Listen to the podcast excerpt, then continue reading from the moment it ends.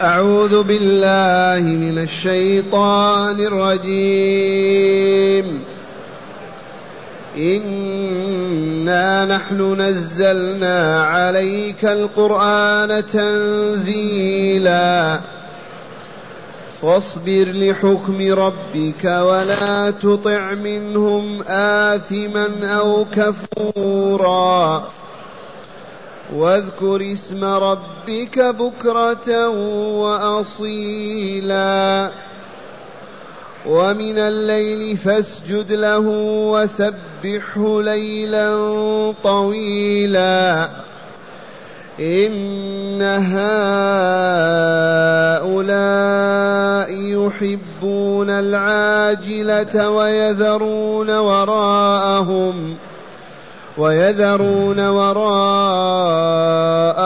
يوما ثقيلا. نحن خلقناهم وشددنا أسرهم.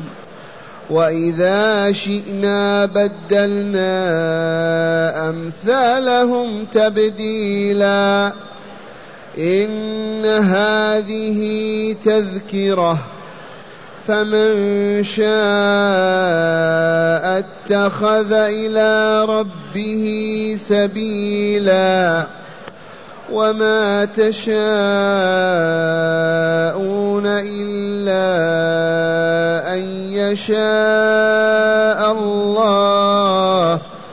إن الله كان عليما حكيما. يدخل من يشاء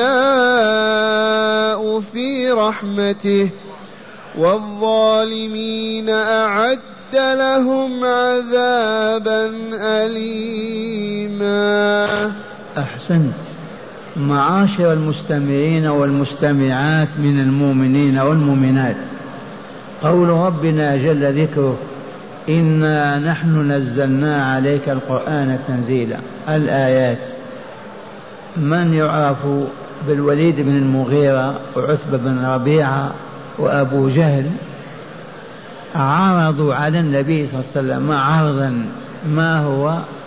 اترك هذه الدعوة واعبد ربك. ولك منا المال والأزواج والسيادة. أتعبتنا وأرقتنا؟ فيا محمد لا نسألك أن تعبد تعبد ربك اعبده. لكن لا تدعو الناس إلى هذه العبادة. ولك منا المال والأزواج والسيادة. إذا هذا العرض والله تم. فما كان من الله عز وجل إلا أن تداركه بقوله إنا نحن نزلنا عليك القرآن تنزيلا. أكرمناك بسمو الدرجة وعلو المكان. أنت رسولنا وأنزلنا عليك القرآن تنزيلا. آية بعد آية وصورة بعد صورة. فكيف تلتفت إلى هؤلاء المبطلين؟ فاصبر إذا لحكم ربك ولا تطع منهم آثما أو كفورا. ما دمت قد علمت أنا أرسلناك وأنزلنا عليك كتابنا وأنت ولينا إذا فلا تقبل هذا العرض الباطل. ارفضه وأبعده عنك واصبر على دعوتك. تدعو إلى أن يعبد الله وحده ولا يعبد سواه من الآلهة الباطلة. فاصبر ولا تطع منهم آثما ألا وهو عقبة بن معيط عتبة بن عقبة. والكافر هو الوليد بن المغيرة ومعهم أبو جهل وغيرهم. هم دولة عرضوا على الرسول هذا العرض والعياذ بالله فأنقذه الله منه. بقول فاصبر على دعوتك ولا تبالي بما يقول ولا تلتفت إلى ما يعرضون عليك. فاصبر لحكم ربك ولا تطع منهم آثما أو كفورا. والآثم كثير الآثام. والآثام هي معاصي الله ورسوله. كل من فعل معصية آثمة والإثم ظلم تقع على النفس فتتعفن وتمثل والكفور كثير الكفر وكبيره وكل مشرك كافر. واذكر اسم ربك بكرة وأصيلا. أرشده إلى ما يستعين به على الوقف هذه والصبر على هذه الدعوة فقال له واذكر اسم ربك بكرة صلاة الصبح وأصيلا صلاة الظهر والعصر. واصبر حكم ربك واذكر اسم ربك بكرة البكرة الصباح والأصيل الظهر والعصر. ومن الليل فاسجد له وهو صلاة المغرب والعشاء. إذ كانت الصلاة فرضت في مكة. وسبحه ليلا طويلا بالتهجد الذي شرعه الله له. بهذا تستعين وتقف موقف الأبطال ولا تبالي بتلك العروض الباطلة الفاسدة. هكذا يرشد الله تعالى رسوله صلى الله عليه وسلم فيقول له واذكر اسم ربك بكرة وأصيلا والمصلي يذكر إلا لا ما إن يقف إلا والله أكبر. بكرة صلاة الصبح. وأصيلا الظهر والعصر ومن الليل المغرب والعشاء ثم وسبحوا ليلا طويلا. آخر الليل ثلث الليل نصف الليل. بالتسبيح بذكر الله والعبادة. إن هؤلاء يكشف الستار عنهم ويبين لرسول حالهم وموقفهم. إن هؤلاء يحبون العاجلة. هذه السارعة هذه ما هي الدنيا؟ عاجلة وإلا لا ماضية بسرعة يحبون الدنيا. يحبون العاجلة ويذرون وراءهم يوما ثقيلا. ألا وهو يوم القيامة. لا يلتفتون إلى يوم القيامة ولا يسألون عن حال الناس فيها ولا كيف تتم أبدا. أمامهم الأكل والشرب والنكاح والدنيا فقط. والله كما وصفهم الرب تعالى. ومن الناس ملايين البشر اليوم هذه حالهم هذه حالهم. والله لهذه حالهم. يتركون الآخرة ما يلتفتون إليها ما يسألون عنها لماذا خلقنا إلى أين نذهب إذا متنا كيف نعود؟ أبدا لا يسألون عنها فقط عن الأكل والشرب والنكاح.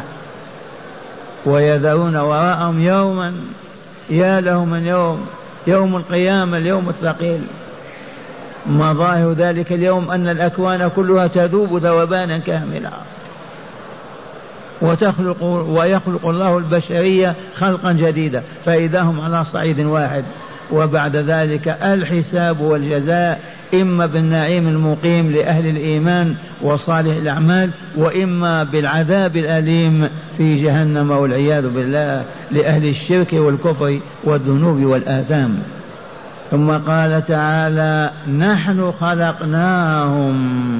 وشددنا خلقهم عظامهم غضاريفهم قويناها. لولانا ما كانوا كيف لا يعبدوننا؟ لولانا ما قدروا على أن يقوموا ولا يجلسوا. من خلقهم؟ الله. كيف يكفرون به ويجحدونه ويعبدون غيره؟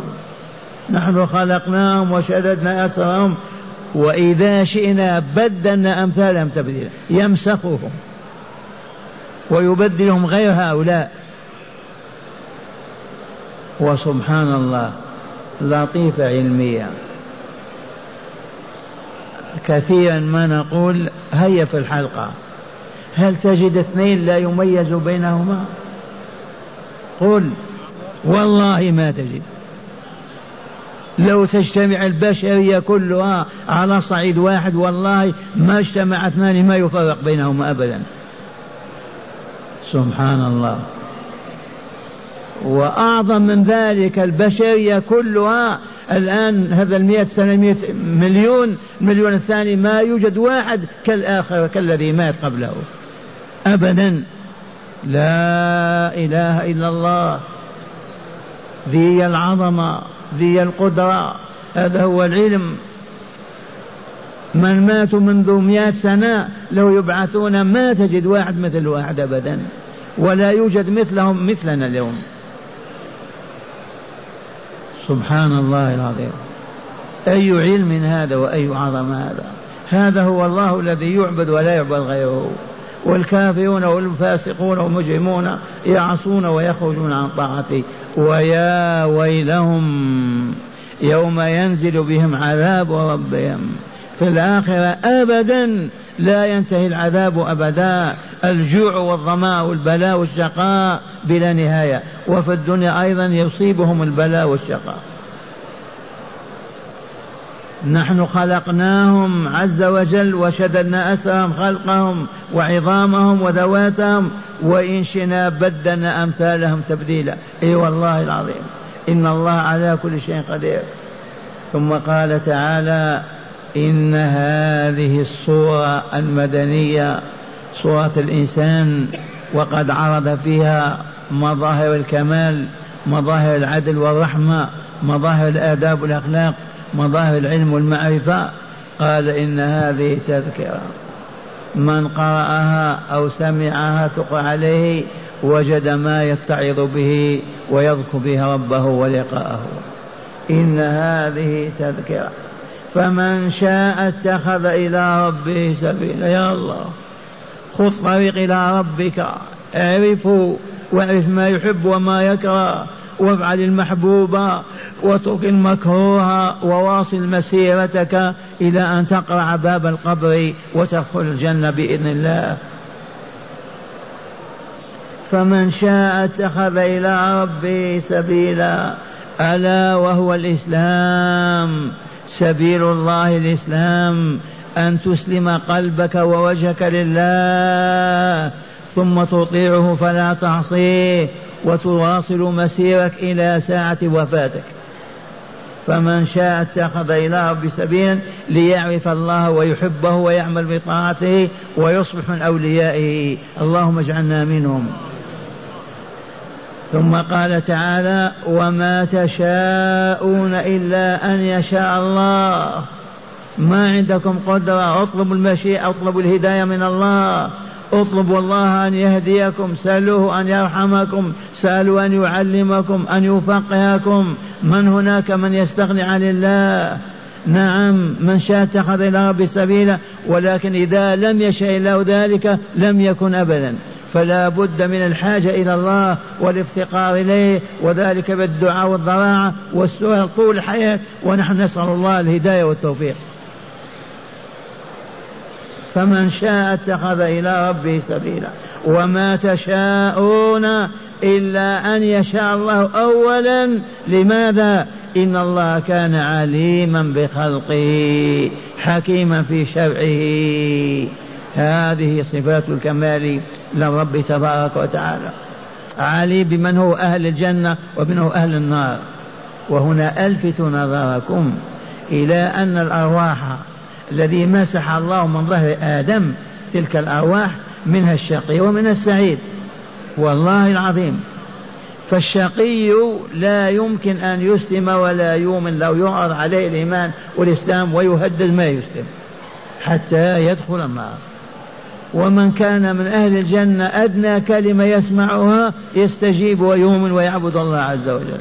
اللي يتحقق ذلك المبدأ الذي هو كتاب المقادير. فمن شاء اتخذ إلى ربه سبيلا وما تشاءون إلا أن يشاء الله جل جلاله وعظم سلطانه. إن الله كان عليما بخلقه حكيما بعباده وحكمه فيهم. ومعنى هذا افزعوا إلى الله. سلوه المغفرة سلوه العفو سلوه الهداية سلوه التوفيق دائما وأبدا فإنكم فقراء إليه وهو غني عنكم. ولا تتكبروا ولا تتجبروا. ثم قال تعالى يخبر عن نفسه يدخل من يشاء في رحمته. اللهم اجعلنا ممن تشاء ادخالهم في رحمتك. اللهم اجعلنا ممن تشاء إدخالهم في رحمتك. والحمد لله أدخلنا في رحمته. ألا وهي الإسلام؟ هي أننا لا نعبد إلا الله ولا نشرك به شيئا ولا نخرج عن طاعته ولا نفسق عن أمره ما استطعنا لذلك سبيلا. وهذا من رحمة الله عز وجل أدخلنا فيها. وأما الظالمون المشركون الفاسقون الفاجرون الذين خرجوا عن النظام واعتزلوا عن الحق وابتعدوا عنه أعد لهم عذابا موجعا. ألا وهو عذاب النار يوم القيامة. والعياذ بالله. والآن مع هداية الآيات. بسم الله والحمد لله. والصلاة والسلام على خير خلق الله سيدنا ونبينا محمد وعلى آله وصحبه الله عليه وسلم. من هداية هذه الآيات أولا حرمة طاعة ذوي الإثم وأهل الكفر في حال الاختيار. معشر المستمعين والمستمعات من هداية هذه الآيات ولكل آية هداية ما أنزلها الله إلا ليهدي بها. من هداية الآيات لا يحل طاعة أهل الكفر والإثم إلا إذا كان إجبارا والحديد في عنقك. أما بدون إلزام أو إجبار لا تحل طاعة فاسق ولا فاجر ولا كافر أبدا. مرة ثانية. لا يحل لمؤمن ولا مؤمن أن يطيع كافرا أو آثما. إذ قال تعالى ولا تطع منهم آثما أو كفورا. اللهم إلا في حال الإكراه بلال عذبوه وقال الرسول أعطيهم يا بلال. سمية قتلوها. عمار قال أعطيهم يا رسول الله. يا عمار. أما في حال الاختيار وعدم الضغط فلا يحل لمؤمن أن يطيع كافر ولا آثما. في أي شيء أيضا. ما أمر الله ورسوله لا يطيع هؤلاء المشركين.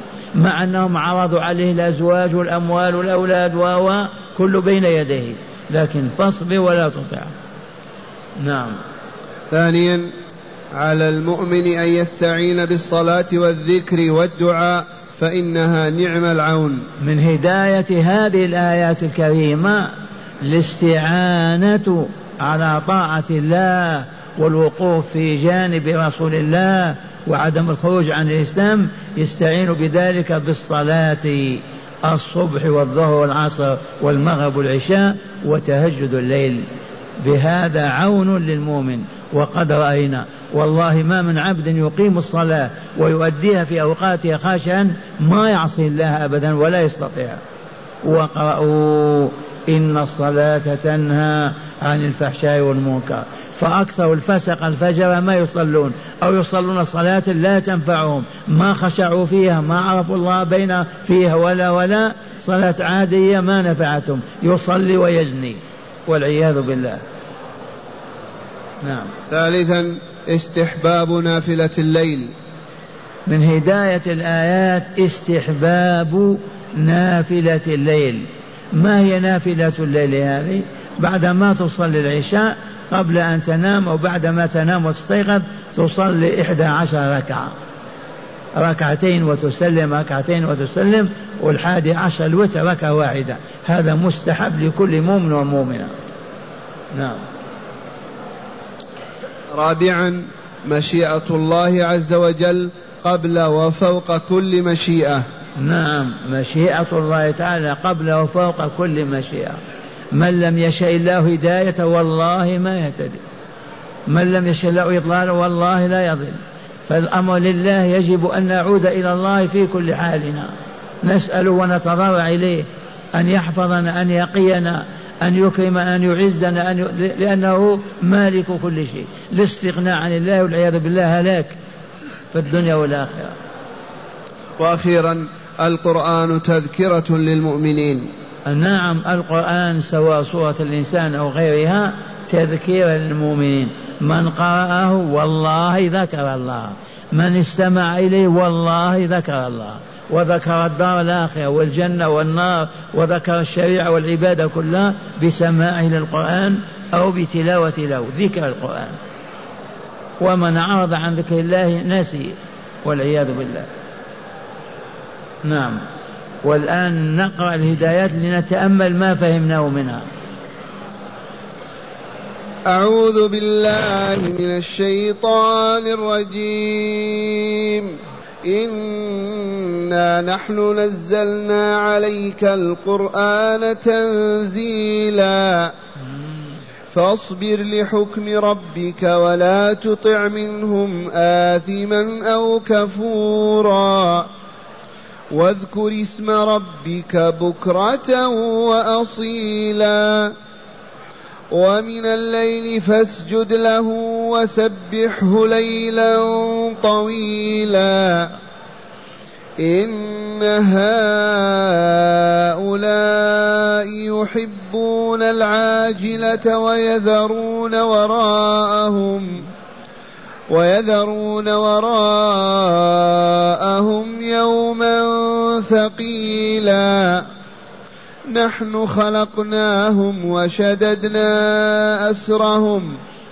وإذا شئنا بدلنا أمثالهم تبديلا. إي والله. إن هذه تذكرة. فمن شاء اتخذ إلى ربه سبيلا وما تشاءون إلا أن يشاء الله إن الله كان عليما حكيما يدخل من يشاء في رحمته والظالمين أعد لهم عذابا أليما. أحسنت.